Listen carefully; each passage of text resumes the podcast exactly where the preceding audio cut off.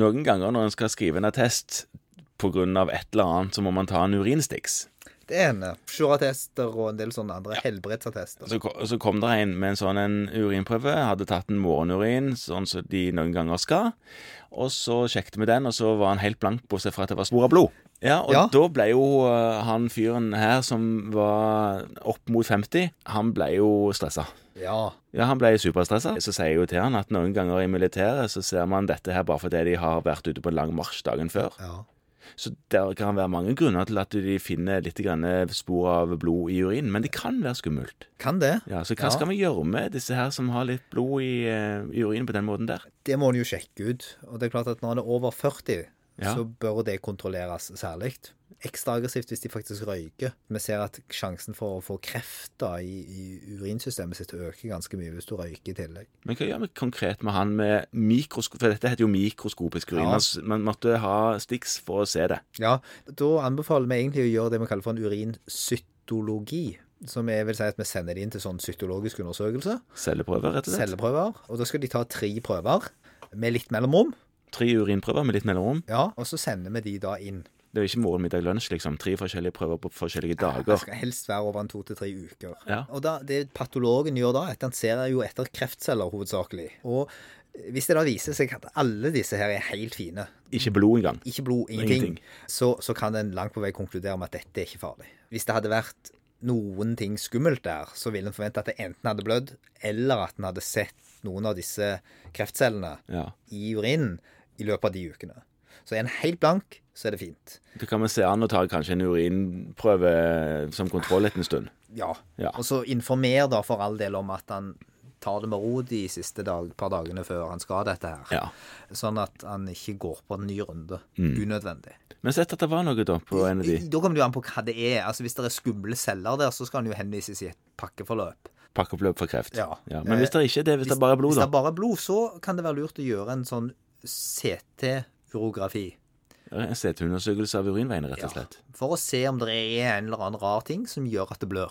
Og det kan jo være flere ting. Det kan jo være store steiner oppi nyrene kan av og til ligge og gi blod uten å gi så mye smerter. Eller det kan være en eller annen polypp eller en kreftsvulst som ikke har sluppet noen celler ut akkurat da. Ja. Så da er det fornuftig å gjøre. Finner man ingenting der heller, så er man jo på langt vei frikjent igjen. Og da kan man jo vente på nytt. Og finner man noe, så må man jo henvise det. Men sett at eh, en av disse cytologiene som man tok i uh, utredningsøyemed, viser muligens malignitet, altså muligens maligne celler. Ja, da- Atypiske celler. Og henviser vi dem Henviser det til urolog til urolog. på pakkeforløp. Ja, så skal de gjøre cystoskopier og MR-er og mye sånt forskjellig. Ja, men det er Det er spesialisthelsetjenesten. som- Spesialisthelsetjenesten, så det, det syns vi de får holde på med. Men la oss eh, si da at denne her karen som kom for denne attesten, og så tok Stix, forteller at eh, de siste kanskje ukene har lagt merke til at det er noe rødt i urinen når han tisser. Ja, Altså rett og slett ser blod. Ja. Det som vi kaller for makroskopisk hematuri. da er det bare å finne fram pennen, for han skal henvises. Ja. Da kan det være veldig snilt gjort å bestille opp røntgenundersøkelser på forhånd. De prosedyrene er nok litt forskjellige fra sted til sted, men i utgangspunktet er det sånn at voksne folk, altså folk over 40, som har en makroskopisk hematuri, de skal henvises til utredning for mulig malign sykdom i systemet. Det må vi ha på plass. Så det du bestiller er CT Urinveier, urinvei- urinveier, ja, ja, ja. urografi. Ja. Så de skal rett og slett det pang ferdig. Ja, fordi at det får du ikke lov til. Fordi Med mindre det er en eller annen åpenbar årsak at de akkurat er operert i systemet. Eller, Ja, noe sånt. ja, ja. Men det, i så fall så tenker en vel at de er godt sjekka ut. Ja, og voldsomme nyresteinsymptomer samtidig. Da kan du lande på den, kanskje. Da, da henvises de jo ofte til urologer Ja, likevel. de gjør det. Ja, Ja visst gjør de det. Ja. Så man havner i den båsen uansett. ja. Men damer, da?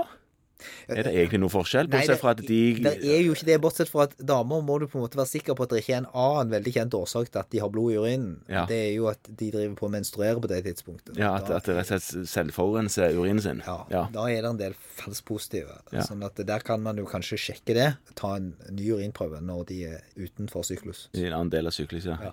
ja så det, men utover det så gjelder de samme tingene. Utover det så gjelder de samme tingene. Ja. Så husk dette hvis du er over 40, og særlig hvis du røyker. Ja. Ja. ja, men fint.